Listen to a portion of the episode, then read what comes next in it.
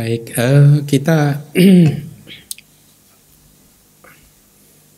mulai lagi apa uh, melanjutkan pelajaran Abhidhamma Dasanggaha kita. Di bab ke-6 harusnya hari ini selesai. Bab ke-6 uh, minggu depan kita review bab ke-6 ya.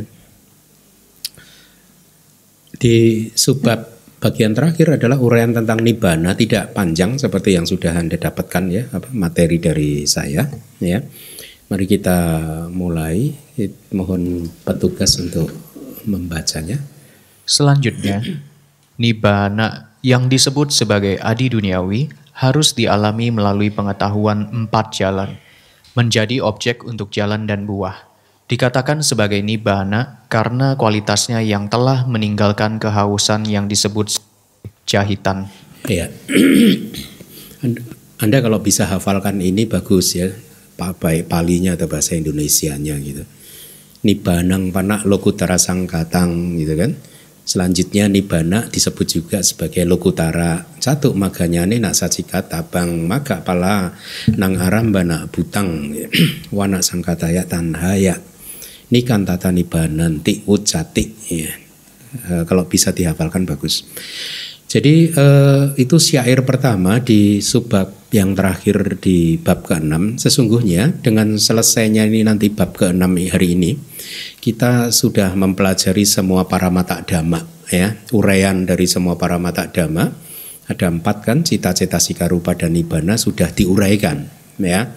Di bab ketujuh nanti itu bonus kayak bab kelima, bab ketujuh itu agak mudah ya. Nanti kayak meletakkan atau hmm, puzzle-nya mulai di, di disambung-sambung di bab ketujuh mudah ya bab ke-8 nanti agak sus, sangat sulit bab ke-8 itu bab ke-9 menyenangkan lagi jadi kadang saya berpikir Acarya Anuruddha ini uh, hebat ya beliau menyusun 9 bab itu kalau Anda perhatikan bab yang ganjil itu enak Hah? Bab satu enak dong. Oh, satu dong.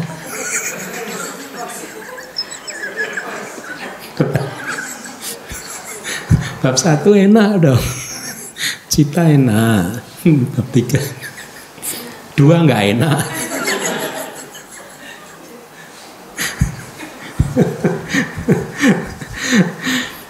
uh, jadi uh, bab kalau Anda Anda ingat-ingat bab 1, bab 2, bab 3, bab 4 di empat bab pertama ini fenomena mental mulai dideskripsikan dengan baik. Ditambah juga dengan bab kelima di bumi juga kan? E, 31 bumi gitu ya di satu sistem tata dunia. Kemudian bab 6 ini ya. E, pengetahuan Anda tentu sudah sangat e, bagus sangat dalam ya.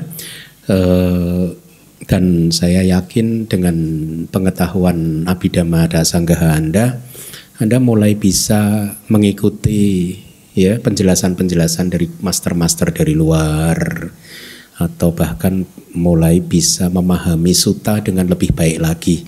Seperti yang sering saya katakan, mereka yang paham Abhidhamma berada dalam posisi yang menguntungkan karena mereka pasti akan bisa memahami suta dengan lebih manis gitu lebih lebih bagus dibandingkan mereka yang tidak memahami abidama ya nah eh, di subbab terakhir ini sesungguhnya sanggaha itu tidak memberikan info tentang nibbana yang panjang lebar ya hanya sekilas saja disertakan oleh Acarya Anuruddha. Mudah-mudahan nanti waktu menulis buku saya bisa mengumpulkan referensi-referensi yang lain ya.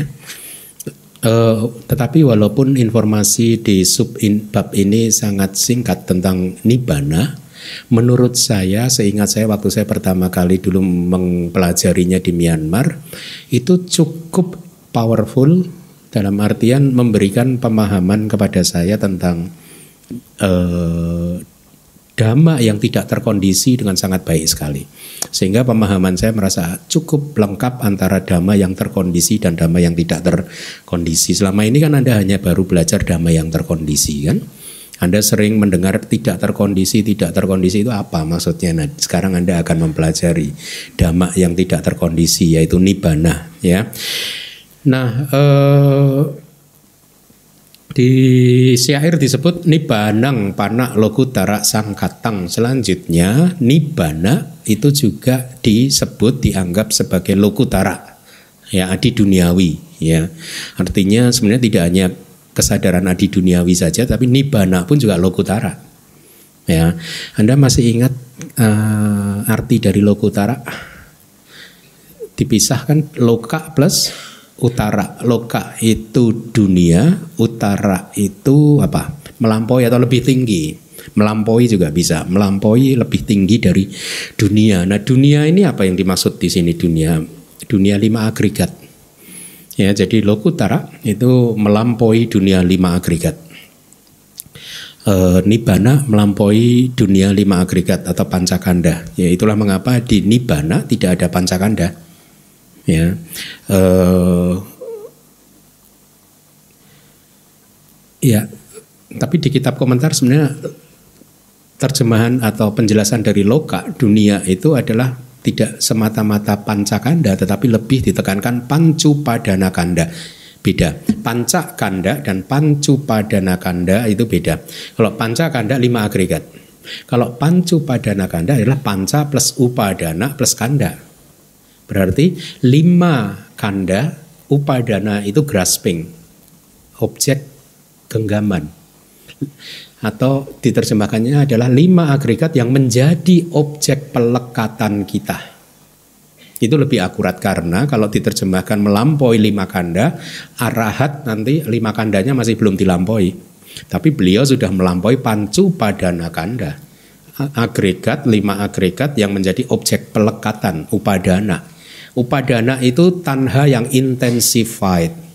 Nafsu, keinginan atau kehausan yang kuat Nanti di bab ke-8 Anda belajar tanha pacaya upadanang ya dari dikondisikan oleh tanha atau dengan tanha sebagai kondisi maka upadana muncul pelekatan muncul. Jadi tanha dan upadana itu sama sebenarnya itu adalah cetasika loba tetapi beda hanya di intensif uh, apa kekuatannya saja. Kalau upadana itu adalah tanha yang sangat kuat. Nafsu keinginan yang sangat kuat, sudah menggenggam dia. Ya, sudah melekat benar-benar melekat. Kalau tanha kan hanya kehausan saja, ya. Kalau upadana udah udah dicengkeram gitu. Nah, jadi lebih tepat loka di sini adalah pancu pada nakanda karena para arahat belum melampaui eh, apa masih mempunyai pancakanda kan hanya setelah beliau parinibbana maka semua pancakanda pun juga termasuk pancakanda juga dilampaui. Nah, uh, upadana itu saya terjemahkan jadi pelekatan atau penggenggaman, ya, grasping. Uh, itu adalah cetasika loba. Jadi ketika keserakahan muncul, cobalah lihat ada sensasi melekat terhadap objeknya atau tidak ya Anda renungkan gitu ya. E, atau e, kalau lawannya apa dosa ya. Kalau dosa muncul lihat Anda melekat tidak? Hmm? Ingin menghancurkan tapi ada sens ada ada ada ada sensasi juga sebenarnya kayak menggenggam juga. Ya menggenggam objeknya tapi ingin Anda hancurkan. Kejadiannya di berbeda waktu ya tapi ini berhubungan berhubungan erat genggam dihancurkan gitu. Kenapa Anda marah? Karena ada upadana. Kira-kira begitu kan? Ada nafsu yang tidak terpenuhi, ada upadana ya yang tidak terpenuhi keinginan Anda sehingga Anda pengen menghancurkan objeknya. Nah, e, nibana ini melampaui semua pancu padana kanda atau lima agregat yang menjadi objek pelekatan ya. Penjelasannya mari kita lihat di kitab sub komentar Tadi dikatakan harus dialami melalui pengetahuan dari empat jalan ya. Bahasa palinya apa? Catuk maganya nenak saci kataba. Ya. Saci kataba itu kayak ber, berasal dari satu akar kata kayak sama dengan cakuk. Ada cicak, cak, cakuk. Ya. Jadi Saya terjemahkan di sini dialami atau direalisasi atau juga bisa juga diterjemahkan jadi dilihat disaksikan. Ada ada pengertian bahwa pada saat maga cita atau pala cita muncul mengambil objek maka yogi itu merealisasi nibana kan dia kayak melihat nibana gitu ya meskipun tidak bisa dideskripsikan akhirnya ya jadi Nibbana adalah dhamma yang harus dialami melalui pengetahuan empat jalan. Ya. Jadi hal ini juga berarti dari kalimat ini eh, beliau atau Acarya Anuruddha sedang menunjukkan bahwa untuk berbagai macam individu suci, nibbana adalah sesuatu yang harus dialami sendiri itu artinya gitu ya. Tidak bisa diberitahu oleh orang lain. Kalau Anda ingin tercerahkan Anda harus benar-benar melihat nibbana sendiri. Anda harus mengalami nibbana sendiri. Kekuatan dari kesadaran maga atau jalan itu sedemikian kuatnya sehingga kalau dia muncul kilesa hangus. Ya, begitu sotapati maga cita itu muncul, maka beberapa kilesa hancur, hangus, sangat kuat sekali. Sehingga tidak muncul, tidak pernah muncul lagi. Jadi menarik sekali sebenarnya eh, betapa ini benar-benar peta spiritual gitu bagaimana kilesa ternyata bisa dihancurkan sehingga tidak pernah bisa muncul lagi. Kalau seseorang menjadi sotapana kan ada tiga. Kalau kita bicara belenggu atau samyojana kan ada tiga belenggu kan. Di dalam seorang sota, maga, sotapati maga cita menghancurkan tiga belenggu. Belenggu yaitu apa? Sakaya didik. Jadi pandangan salah tentang identitas diri, tentang keakuan, tentang siapa saya, bahwa ini adalah saya, itu hancur. Sehingga kehidupannya secara alamiah dia mengerti bahwa ini hanyalah proses nama rupa nama rupa saja yang muncul lenyap muncul lenyap muncul lenyap. Meskipun kilesa kilesa banyak yang belum dihancurkan tetapi dia sudah mulai tahu bagaimana melepaskan kilesa yang belum hancur tersebut. Karena sakaya didiknya sudah hancur. Yang bikin parah itu kan pandangan salah tentang keakuan ini identitas ini. Ya pada saat dia sudah mengerti bahwa ternyata ini hanyalah nama rupa maka dia menjadi semakin terampil Itulah mengapa di teks dikatakan buat dia sudah tidak ada lagi kelahiran yang ke-8 kan. Maksimal itu maksimal tujuh kali kelahiran lagi. Dia kemudian get out, keluar dari samsara untuk benar-benar merealisasi apa? mencapai nibana gitu. nah, belenggu yang kedua adalah sakaya didik, kemudian sila batak paramasa. Paramasa itu kayak memegang, mencengkeram ya. Sila batak, sila dan batak sila dan watak. Berarti itu adalah ritus dan ritual. Dia sudah nggak memegang ritus dan ritual lagi. Sudah nggak percaya lagi bahwa ritus dan ritual itu bisa mencerahkan dia. Sotapana sudah nggak percaya yang begitu. Ya.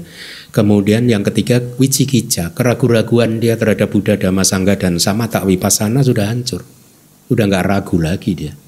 Eh, sangat sangat sangat logik sangat masuk akal karena bagaimana mungkin dia ragu lagi terhadap Buddha Dhamma Sangha dan juga latihan meditasi kalau dia sendiri sudah mengetahui selama pencerahan dia sudah menjalani proses yang panjang dari merealisasi nama rupa, merealisasi bahwa ini ada sebabnya dari melihat muncul bertahan lenyap, muncul lenyap, lenyap terus dan seterusnya.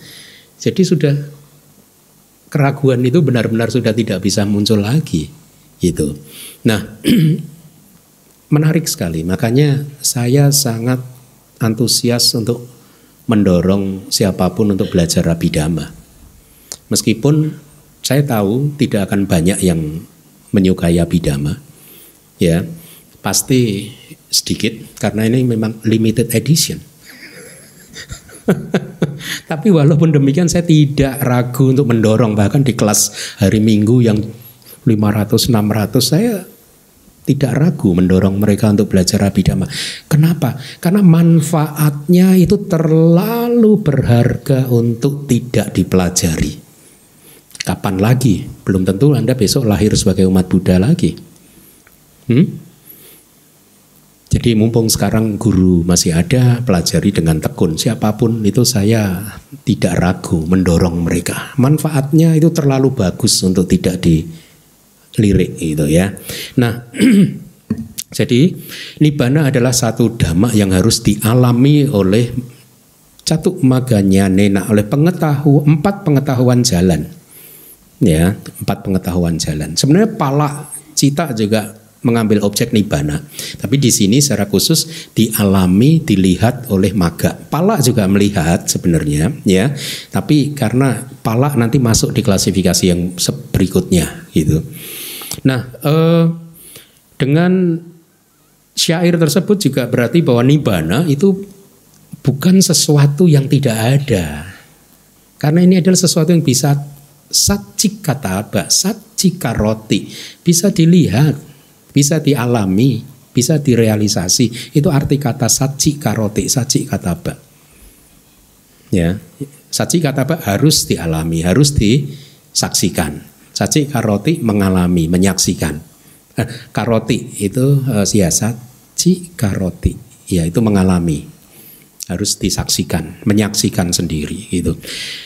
Dengan demikian ini menangkal pemahaman salah yang mengatakan bahwa nibana itu adalah kekosongan, nggak ada apa-apa. Kekosongan atau sunyata di dalam terawada bukanlah sesuatu yang nggak ada apa-apa. Anda masuk ke ruang kosong nggak ada apa-apa. Ada tapi kosong. Nah nanti akan saya jelaskan. Itu kenapa disebut kekosongan. Tapi bukan berarti nggak ada apa-apa. Kalau anda menganggap nibana adalah satu dhamma yang kosong nggak ada apa-apa, itu pandangan salah tentang pemusnahan. Pemusnahan uceda didik sama nanti dengan uh, uh, uh, di, di 62 pandangan salah itu kan ada kan bagian dari uceda didik. Jadi mereka yang percaya bahwa setelah kelahiran ini selesai. Setelah mati udah nggak lahir lagi. Nah, nah itu pandangan salah. Ada dua pandangan salah kan? Uh, dua kutub pandangan salah yang kita harus hindari. Yang satu sasata didik, pandangan salah tentang kekekalan itu pandangan salah. Ya, mereka yang menggenggam pandangan salah ini hati-hati. Kalau dia berbuah bisa bisa kalau berbuah, tapi nggak harus berbuah. Ada yang harus berbuah itu niata mijadidi yang pasti gitu ya. Itu uh, yang tidak mempercayai karma dan lain-lain. Nah, sasa tak didik pandangan tentang kekekalan itu pandangan salah. Kutub ekstrim yang di sampingnya yang kedua adalah uceda didik. Pandangan salah tentang uceda pemusnahan. Hancur, uceda potong, hancur nggak ada apa-apa lagi. Nah nibana bukan seperti itu. Arahat, parinibana, masuk nibana bukannya padam, kalau selama ini kita sering mendengar, terus nggak ada apa-apa, nggak ada, tapi kosong. Nanti akan kita jelaskan. Ya, jadi artinya nibana adalah sesuatu. Ya, bukannya sesuatu yang hampa kosong, enggak. Ya, karena harus dialami, harus disaksikan oleh maga, oleh pengetahuan jalan, ya. Anda tidak bisa mengalami sesuatu yang tidak ada kan? Betul tidak? Karena harus, Anda tidak bisa menyaksikan sesuatu yang tidak ada kan?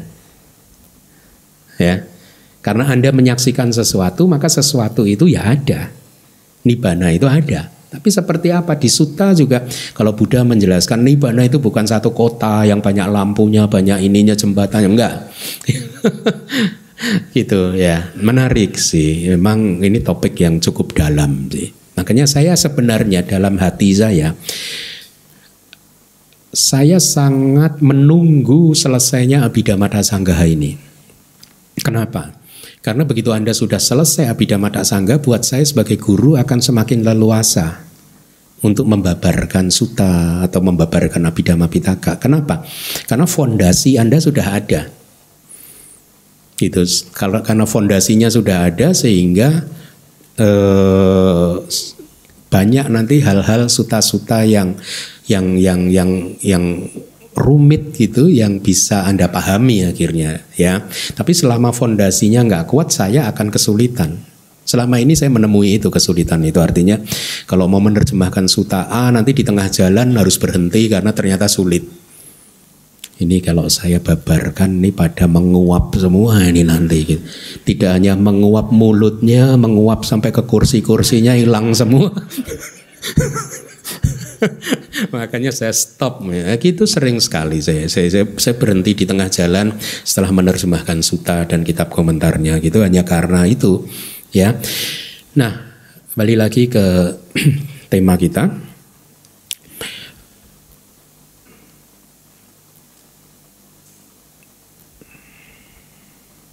Bentar ya, ini buka kitab-kitabnya. Ya.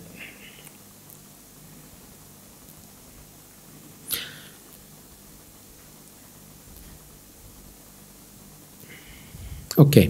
uh, eh, tadi kan dikatakan bahwa yang menyaksikan langsung nibana itu adalah kesadaran jalan dan berarti artinya ketika di arus batin Anda kesadaran jalan muncul Anda sudah bukan putu jana kan? Katakanlah begitu ya. Ya harus beraspirasi ke sana kan? Anda adalah Arya individu suci, makhluk suci, tergantung kesadaran jalannya, sotapati, sakadagami, anagami atau arahata kan. Jadi Anda adalah seorang Arya yang sudah menyaksikan langsung nibana. Nah, pertanyaan saya, putu jana bisa nggak menyaksikan nibana? Hmm? Anda masih ingat ada berapa kesadaran yang bisa mengambil nibana sebagai objeknya? Hah? di bab ketiga, eh bab ketiga atau bab ya bab ketiga kan? Hmm? Maka pala udah pasti. Kemudian Mahakusala yang mana? Nyana Sampayuta untuk putu jana. Oke, terus eh, kira-kira keberatan Hah? Rupa kusala abinya baik. Terus? Yang bodoh jana? Saya bantu. Mano dwara wajana ya mano dwara wajana juga bisa mengambil objek nibana nah tapi pertanyaannya adalah kalau itu muncul di witi harus kesadaran seorang putu jana yang diambil apa? Ya itu kan dulu kan saya sempat ada puzzle di situ kan waktu pelajaran bab 1 atau bab 2 3 itu kan putu jana bisa mengalami nibana apa ya kan Hah? Termasuk mahakusala itu? Kalau dia putu jana masih? Atau rupa wacara kusala? Nah di salah satu kitab komentar sesungguhnya uh, dia bukannya pengalaman langsung tapi kayak inference gitu. Jadi seperti seperti dugaan gitu. Uh, bukan nibana secara nyata ya. Tapi uh, dia hanya kayak menduga-duga gitu. Mungkin mengambil nibana tapi dia nggak paham nibananya itu apa gitu. Itu ya jadi uh, itu yang pertama. Kemudian kalimat tadi yang kedua adalah bahwa nibana itu menjadi objek untuk jalan dan buah maka palanang alam bana butam bahasa palinya kan maka palanang alam bana butam menjadi objek untuk maga dan pala. Ya. Jadi nibana adalah objek untuk jalan dan buah. Dengan kalimat ini berarti buat putu jana yang baik, pemahaman nibana ini, oh ya ada ya, hanyalah berdasarkan penarikan kesimpulan. Ya, anu mana, bukan berdasarkan pengalaman langsung. Ya. Selanjutnya dari Wibawi ini oleh karena pengetahuan yang mempunyai objek dhamma-dhamma yang terkondisi atau konsep ya apa itu dhamma yang terkondisi? Hmm?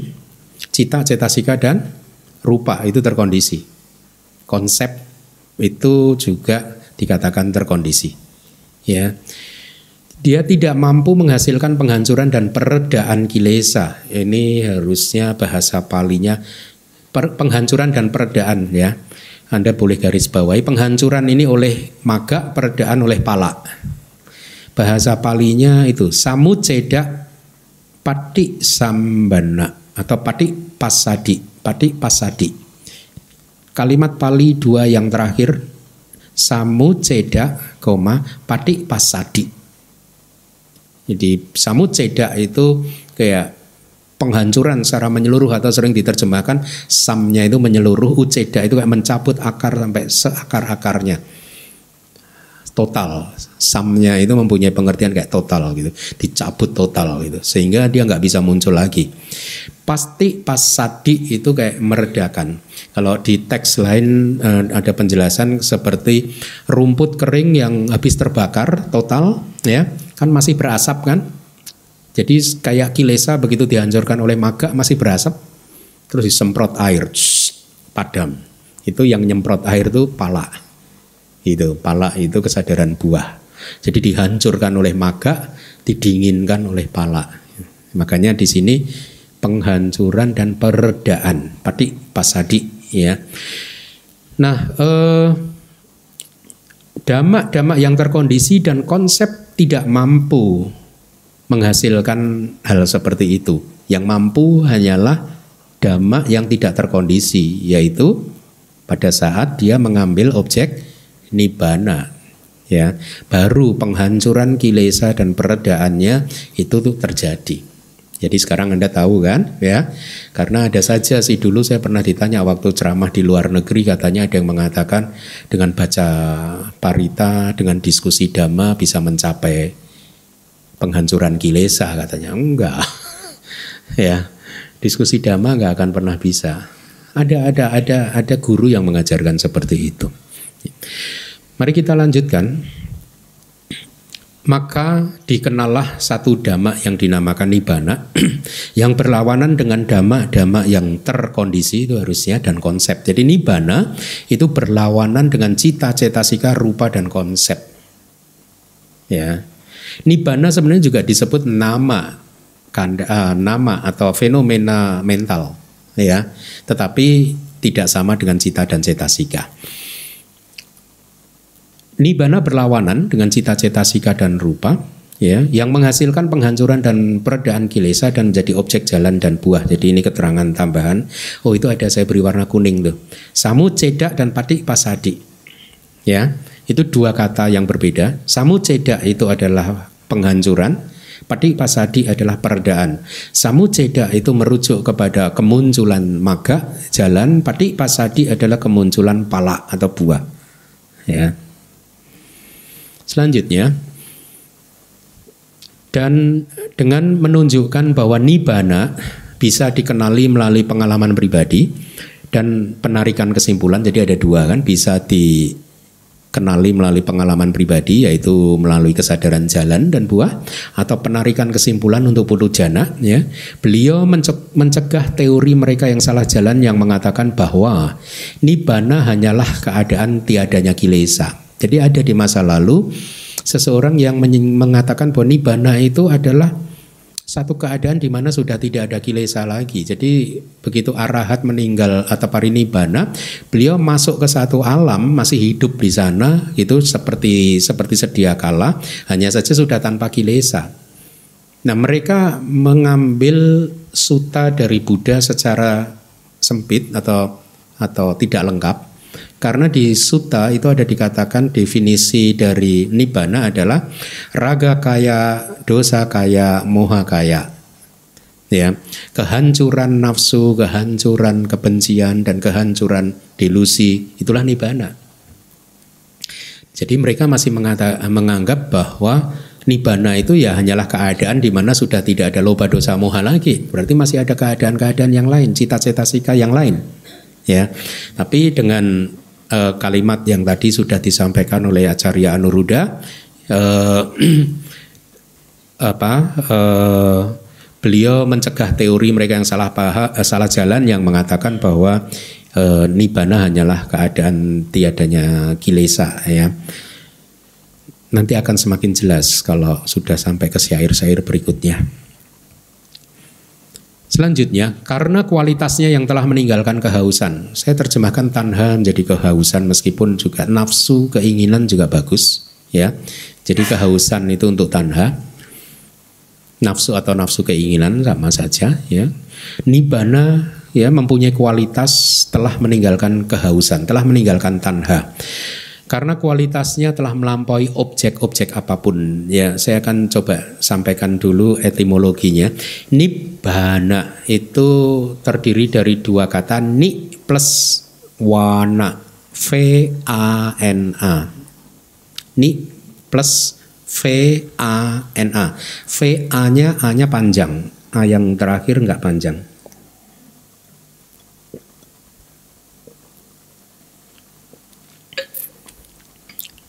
Jadi kata nibana begitu, ni plus wana sebenarnya. Wana itu bisa hutan. Kalau di bahasa Jawa masih dipakai wana itu hutan gitu. Ni plus wana. Kan? Kalau Sanskertanya Anda lebih familiar mungkin nirwana. Akhirnya begitu kan? ya. Nah, dari ni plus wana tadi karena peraturan tata bahasa, V-nya berubah jadi B tapi double. Ya, uh, jadi akhirnya Pali mendapat kata bukan nirwana tapi nibbana gitu.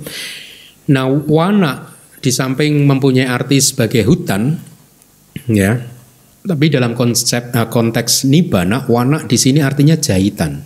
Jadi dua kain dijahit jadi nyambung. Ya, itu yang dimaksud wana di sini gitu. Jahitan yang menyambung dua kain gitu. Jadi jahitan ini representasi dari tanha, nafsu keinginan atau kehausan gitu, ya. Dengan kata lain selama masih ada tanha, maka satu kehidupan dan kehidupan yang lain masih dijahit. Paham? Ya, artinya seseorang meninggal dunia pasti lahir lagi, dijahit lagi, nyambung lagi. Nanti meninggal dunia lagi, selama tanhanya masih ada, ya dijahit lagi. Itu, ya. Hanya setelah tanhanya tidak ada, jahitannya putus. Begitu dia meninggal dunia udah nggak lahir lagi. Paham ya? Itulah uh, etimologinya. Ni itu sendiri artinya jadi wana tadi apa? Tanha. Ya kehausan atau nafsu keinginan ya ni itu nikamati kayak keluar keluar dari sesuatu keluar meninggalkan pergi meninggalkan ni nikamati ni ya jadi nibbana atau ni plus wana artinya adalah satu keadaan yang pergi keluar atau pergi meninggalkan tanha itu ini etimologinya ya Nibbana adalah satu dhamma yang keluar atau pergi keluar meninggalkan tanha. Dengan kata lain, karena dia pergi keluar meninggalkan tanha, maka nibbana tidak bisa jadi objek dari tanha. Tanha tidak bisa mengambil objek nibbana.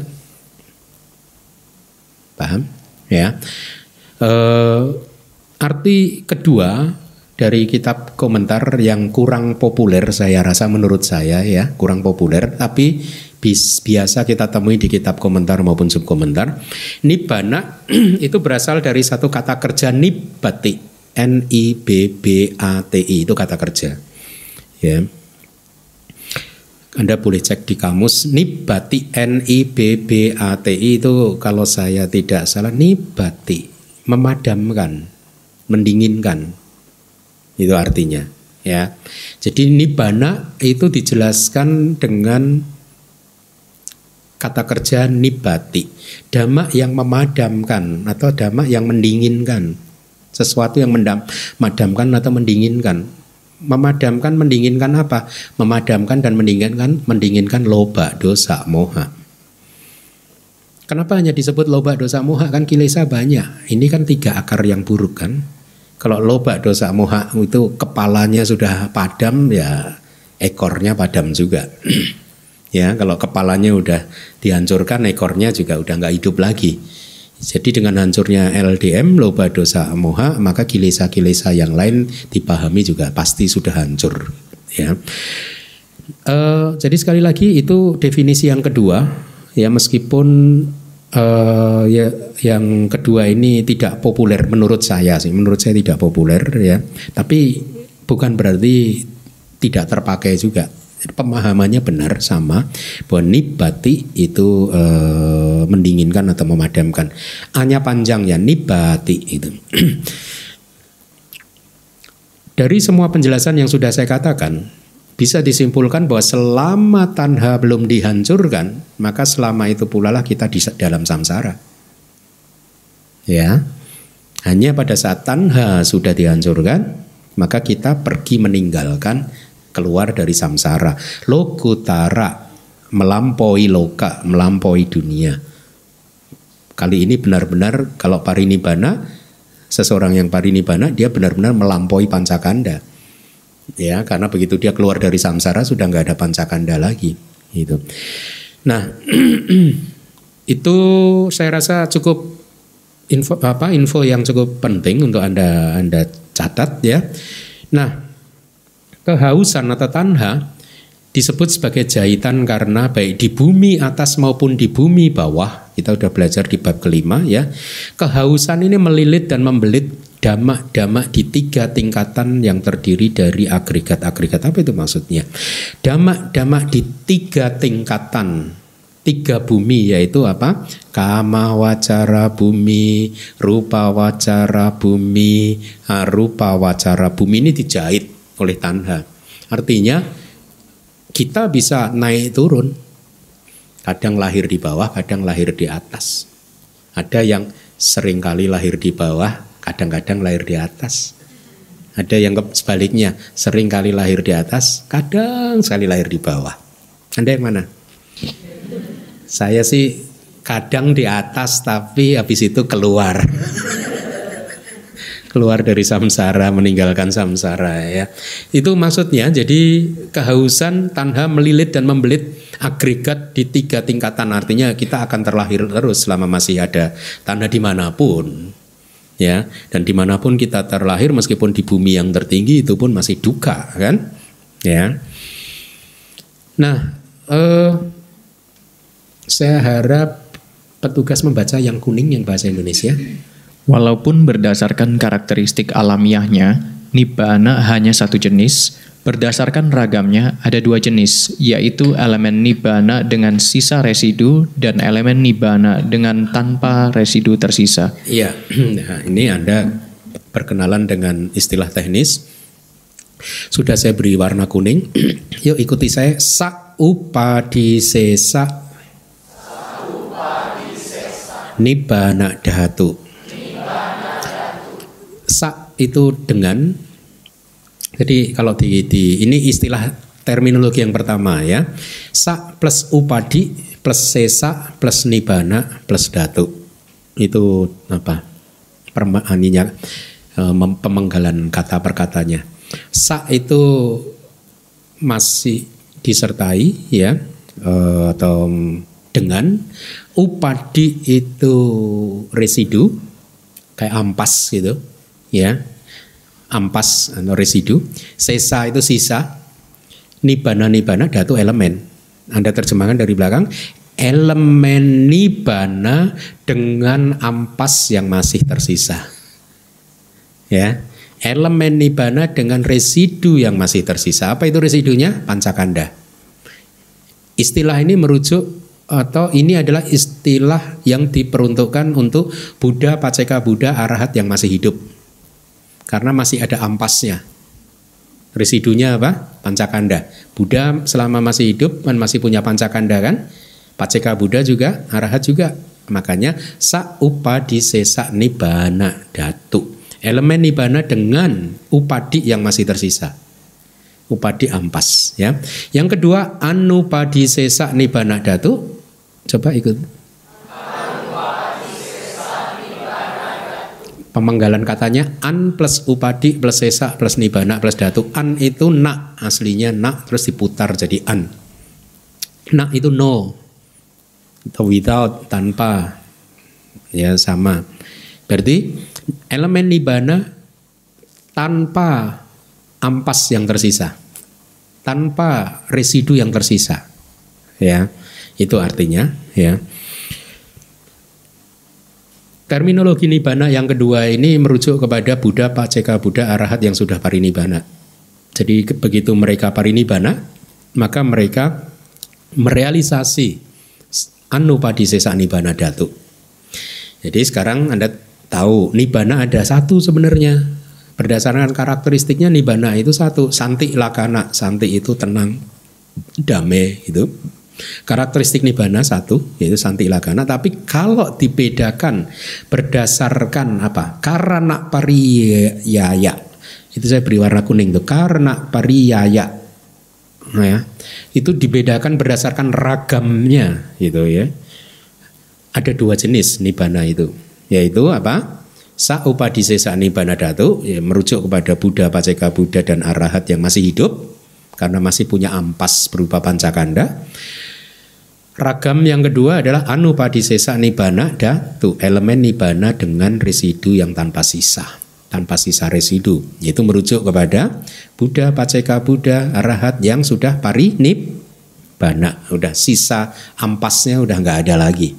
Ya residunya sudah nggak ada lagi. Ya, nah eh, penjelasannya mari kita lihat. Berdasarkan karakteristik alamiahnya nibana hanya satu yaitu santi lakana. Lakana itu karakteristik, santi itu kedamaian atau ketenangan ya. Residu atau upadi itu e, sesuatu yang membuat makhluk menggenggam karena keadaannya yang masih bergantung pada objek-objek indriawi dan lain-lain.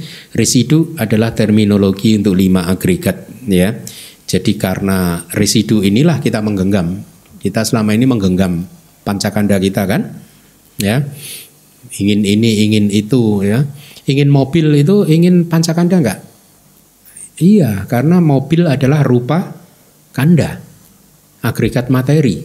Kan agregat materi tidak hanya tubuh jasmani kita tapi juga rupa di luar tubuh jasmani kita. Ingin beli rumah itu itu juga rupa masuk di materi juga, masuk di agregat materi juga, ya. Jadi itu penjelasan dari residu. Kalau tanpa residu itu genggaman yang masih tersisa sebagai akibat adanya kilesa. Tanpa residu tersisa. Jadi itu artinya genggaman yang masih tersisa sebagai akibat adanya kilesa di masa lalu. Ini harusnya residu. Itu harusnya residu. Tanpa residu berarti tanpa itu, itu kurang tanpa berarti tanpa genggaman yang masih tersisa sebagai hmm? Ya tanpa pancakanda lah ya. Pokoknya pancakandanya sudah eh, padam semuanya gitu. Nah jadi sesungguhnya meskipun nibana hanya ada satu sesuai karakteristiknya, tapi nibana di sini juga bisa berdasarkan ragamnya ya eh, apa tadi akara pariyaya bahasa palinya. Hah? Hmm? Kenapa? Kar karana, oh ya karana pariyaya. Iya, pariyaya karana. Karana pariyaya betul ada dua berdasarkan ragamnya yaitu apa? Saupadisesa Nibbana Datu dan ya. Ketika seseorang merealisasi arahata maga dan pala ya, maka dia menjadi arahat. Dia beliau adalah elemen nibbana yang mana? Saupadisesa Nibbana Datu. Jadi beliau sudah memadamkan semua kilesa, ya kilesanya sudah padam, sudah dicabut sampai ke akar-akarnya, ya secara total, secara menyeluruh. Akan tetapi selama hidupnya beliau masih mempunyai beberapa cita, cetasika dan rupa kan, ya. Dama-dama itulah yang disebut sebagai ampas atau residu, ya. Eh, dan ketika parinibbana maka semua di sini juga di kitab juga disebutkan begitu beliau parinibbana maka cita cetasika dan rupa lenyap dan padam ya itulah yang disebut anupa di sesa an upadi sesa nibbana datuk ya. tidak ada lagi kemunculan dan kelenyapan dari nama rupa jadi itulah nibbana jenis yang kedua yaitu nibbana setelah kematian para Buddha, Paceka Buddha dan Arahat. Nah, ragam nibana yang pertama, saupa di sesa nibana datu juga mempunyai nama lain, yaitu kilesa parinibana. Kilesa parinibana. Parinibe, parinibana itu artinya apa sih? Kayak, kayak, kayak kalau lilin padam itu udah parinibana. Begitu lilinnya padam, kepadaman lilin itulah parinibana ya atau lampu padam gitu. Itu parinibbana. Berarti kilesa parinibbana apa? Kepadaman dari kilesa. Ya. Jadi kilesa parinibbana adalah nama lain untuk saupadisesa nibbana datu. Nah anupadisesa nibbana datu juga mempunyai nama lain yaitu kanda parinibbana. Bahasa Indonesianya apa? Kepadaman agregat. Agregatnya padam. Ya, dengan demikian Anda tahu sekarang bahwa di Nibbana tidak ada agregat. Ya. Wah, Anda pinter nih ya. Saya harus simpen satu ilmu ini. Kepintaran nggak bagus. Dengan residu yang masih tersisa, artinya pancakanda yang eksis bersama dengannya, yaitu elemen nibana, ya. Artinya pancakanda eksis bersama dengan elemen nibana, ya. Kalau Buddha, Paceka Buddha dan Arahat masih hidup, kemudian berdasarkan ragamnya, ya, karena ya, dengan mempertimbangkan ada atau tidaknya residu, itu, jadi dibedakan. Menjadi alasan khusus karena itu alasan. Sama kan diadopsi di bahasa Indonesia kan? Karena. Ini karena. Sebenarnya bacanya juga gitu karena saya kadang kalau bercakap-cakap dengan Bante Wisuda kadang Bante Wisuda nggak paham oh. saya pikir wah kok masa nggak paham sih misalnya pas kita bercakap-cakap dengan Pali gitu ya baru belakangan saya nggak oh ternyata pronunciation saya beda dengan dia. jadi akhirnya kadang beliau jadi nggak nggak nggak ini nggak nggak mengerti apa yang saya ucapkan gitu karena beda pelafalan. Ya. Tapi kalau pakai tulisan baru paham. Kita sering kok wa-an pakai pali.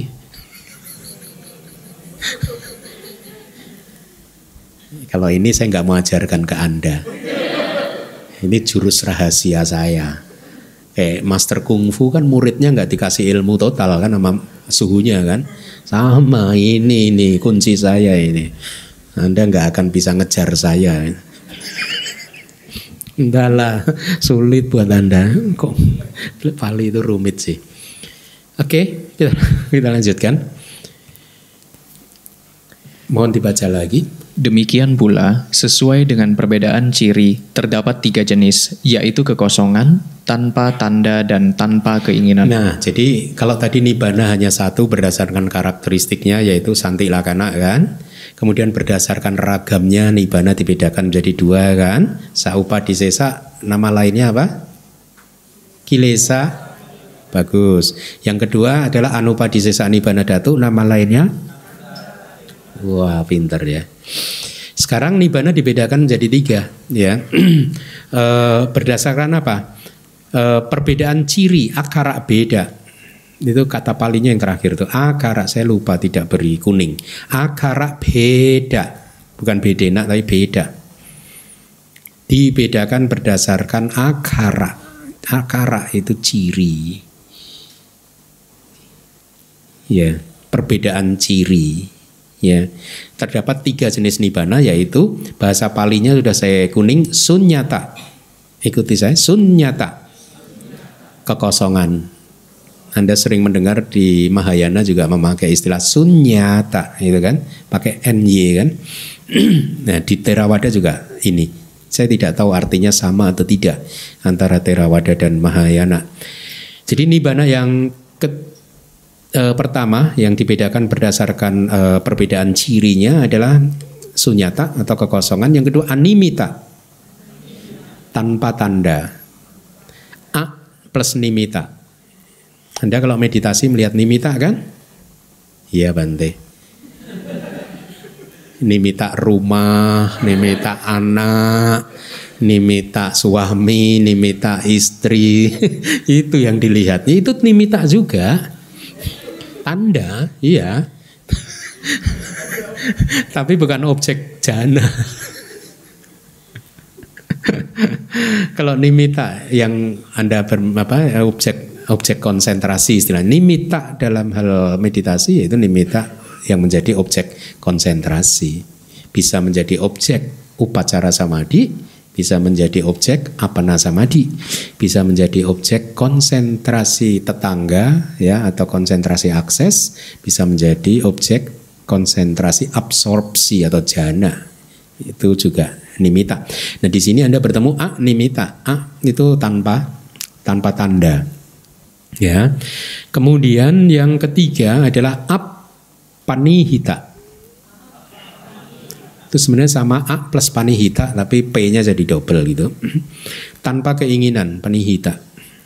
Ya. Jadi kita ulangi lagi tiga jenis sunyata, animita, apanihita. Ya. Penjelasannya adalah sebagai kekosongan di sini tidak lain adalah kosong, kosong karena kekosongannya dari nafsu, kebencian dan delusi atau loba, dosa, moha, ya, atau raga, dosa dan moha itu nama lain dari loba, raga, ya. Sebaik loba, dosa, moha tersebut sebagai objek maupun sebagai dhamma yang berasosiasi, ya. Uh, anda sering kan mendengar kata ini kalau tadi di Mahayana sunyata ya. Saya nggak tahu sama atau beda dengan Theravada. Tapi kalau di Theravada ya di samping kosong dari loba dosa dan moha juga akhirnya ada juga uh, pemahaman kosong dari segala dhamma yang terkondisi yaitu pada saat parinibbana kan tidak ada dhamma terkondisi apa pun di dalam nibbana. Oleh karena itu sering diekspresikan seseorang yang melihat nibbana pada saat itu pada saat dia bermeditasi tiba-tiba dia merasakan satu sensasi seolah seolah-olah semuanya berhenti. Baik cita-cita-sikanya juga berhenti. Ya. E, pengalaman ini kalau tidak dibimbing oleh guru yang terampil kadang pengalaman tersebut bisa jadi juga bukan pengalaman menyaksikan nibana tetapi masuk ke bawangga. Ya jadi ada dua kemungkinan masuk ke bawangga karena begitu kalau yogi masuk ke bawangga juga dia tidak tahu apa-apa. Tiba-tiba semuanya kayak berhenti dia tidak bisa menceritakan. Jadi akan ditanya oleh gurunya kamu meditasi berapa lama? gitu. Misalkan tiga jam, nah, tapi di setengah jam, kayaknya setengah jam terakhir itu saya tidak tahu apa yang terjadi, gitu, ya. Ditanya gurunya, jadi apa yang kamu amati? Nggak ada, tiba-tiba semua berhenti, itu. Nah ada dua kemungkinan, either bawangga atau nibana. Nah itu harus guru yang terampil dan sesungguhnya si yogi juga harusnya tahu karena sesudah pengalaman nibana dia muncul pacawekana widi yaitu penelaahan dari pengalamannya. Dia seketika akan tahu eh itu apa tadi? Satu pengalaman baru yang belum di, pernah dia alami dan setelah itu dia seperti mengerti ada kilesa tertentu yang sudah hancur. Gitu, dia udah tahu. Ada kilesa tertentu, belenggu tertentu yang sudah hancur. Ya. Jadi sesungguhnya seseorang yang merealisasi nibbana sudah tidak membutuhkan penegasan dari siapa pun. Dia sendiri tahu. Ya, cuman karena kadang katanya apa buat buat first timer gitu yang ber, pertama kali mengalami karena terlalu cepat belum bisa mendeskripsikan dengan baik. Tapi begitu dia mungkin nanti pelan pelan pelan diingat-ingat lagi belakangan baru dia tahu oh ya ada belenggu yang sudah hancur itu itu tadi kekosongan ya jadi kekosongan dijelaskan dalam dua cara yaitu kekosongan dari LDM, loba dosa muha dan kekosongan dari semua dhamma yang terkondisi. Sebenarnya di teks sering tidak disebut dengan loba dosa moha tapi raga dosa dan moha. Sama saja. Ya sama saja. Tapi di dalam terminologi suta, raga kadang merujuk kepada nafsu-nafsu ragawi saja. Nafsu Anda terhadap raga, sesuatu yang bersifat ragawi. Itu. Ya. Yang berikutnya tanpa hips, sorry sorry. Hmm? Mana tadi?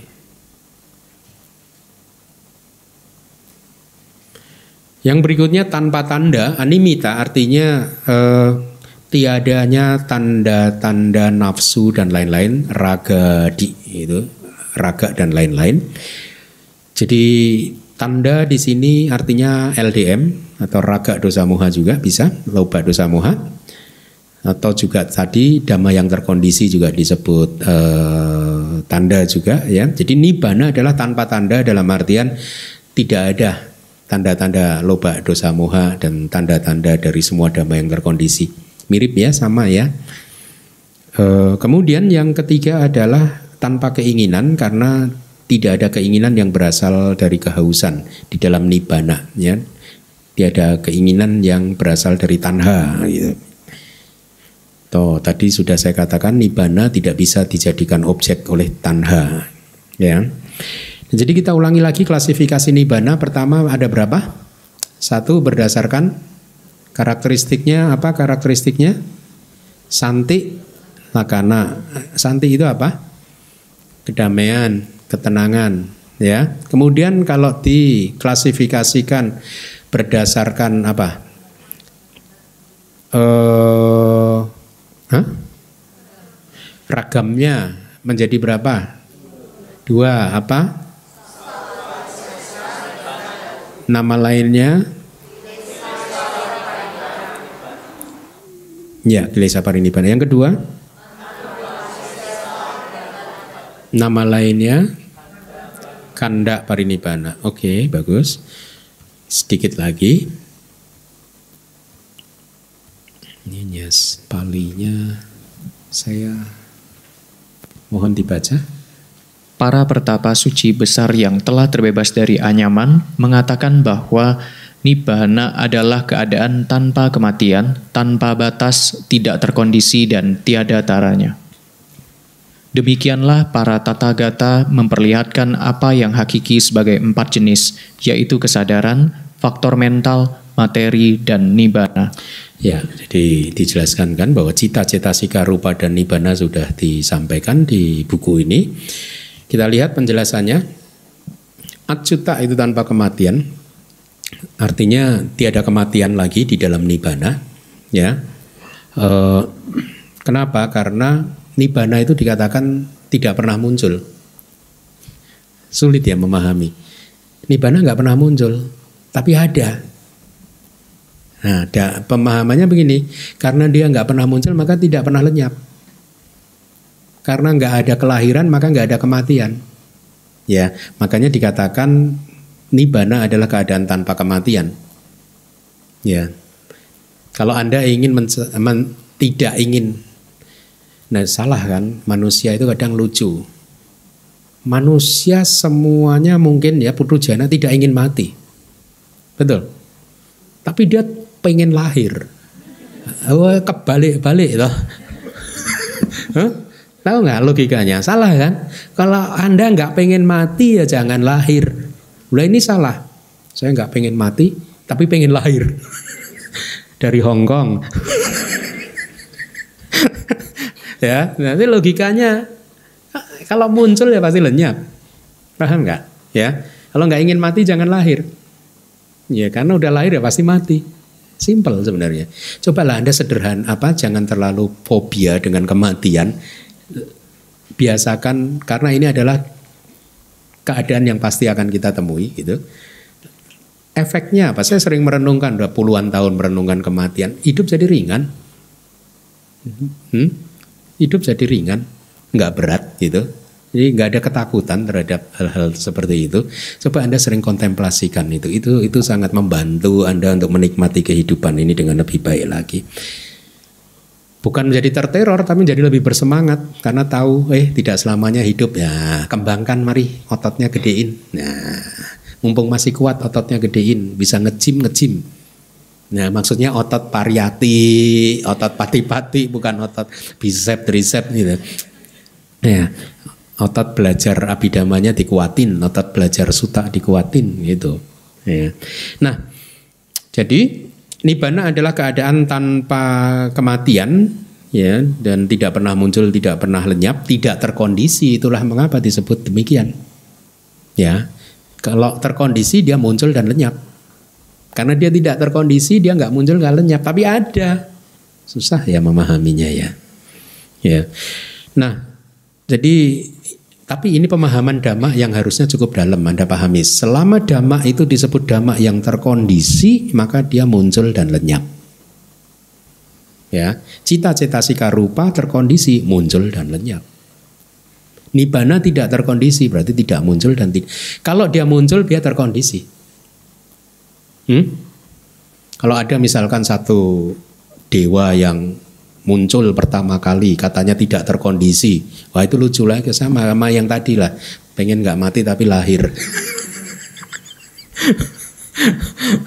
gitu. Ya ada kan di suta itu dewa yang ini langsung wah dia langsung miskonsif gitu e, memahaminya secara e, salah memahami dengan menganggap bahwa dia adalah yang pertama e, kemudian sebelum di e, se, e, pada saat dia ada bumi ini tidak ada. Nah gitu kan kira-kira? Ada di suta itu. Nah itu juga nggak sesuai. Muncul kok nggak ada kondisinya. Sesuatu yang muncul pasti ada kondisinya. Ya. Berarti tidak tidak tidak paling ini tidak paling itu. Nah eh,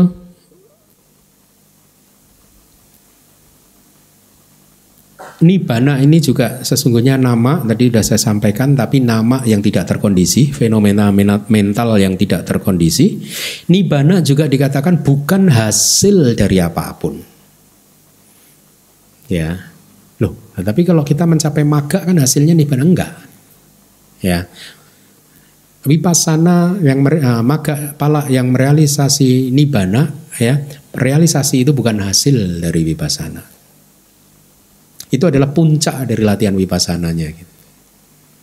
Ya, bukan hasil. Kalau hasil nanti ada hukum sebab dan akibat lagi. Ya toh? Nibana bebas dari hukum sebab dan akibat. Itu. Filosofis banget ya. Dan dikatakan bahwa hanya damak yang terkondisi yang bisa disebut sebagai hasil dari sesuatu. Kok dhamma ini adalah hasil dari ini, maka dia pasti terkondisi. Dan nibana tidak terkondisi, makanya dikatakan nibana itu bukan hasil dari apa pun. Gitu.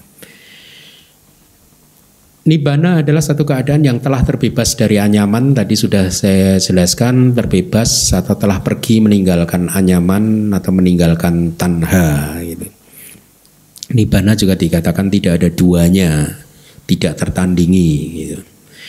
Penjelasan yang dimaksud dengan pertapa suci besar itu artinya pertapa tersebut disebut besar karena mereka mencari sesuatu yang besar yaitu agregat sila, agregat samadhi, agregat panya, sila, samadhi, panya ya. mereka yang beraspirasi atau atau atau berjuang untuk memurnikan sila dan mengembangkan samadhi dan panya itu adalah pertapa besar. Kalau dia sudah mencapai maga dan palak, maka dia menjadi pertapa suci yang besar. Dengan demikian, selesailah bab yang keenam ini. Sadu, sadu, sadu.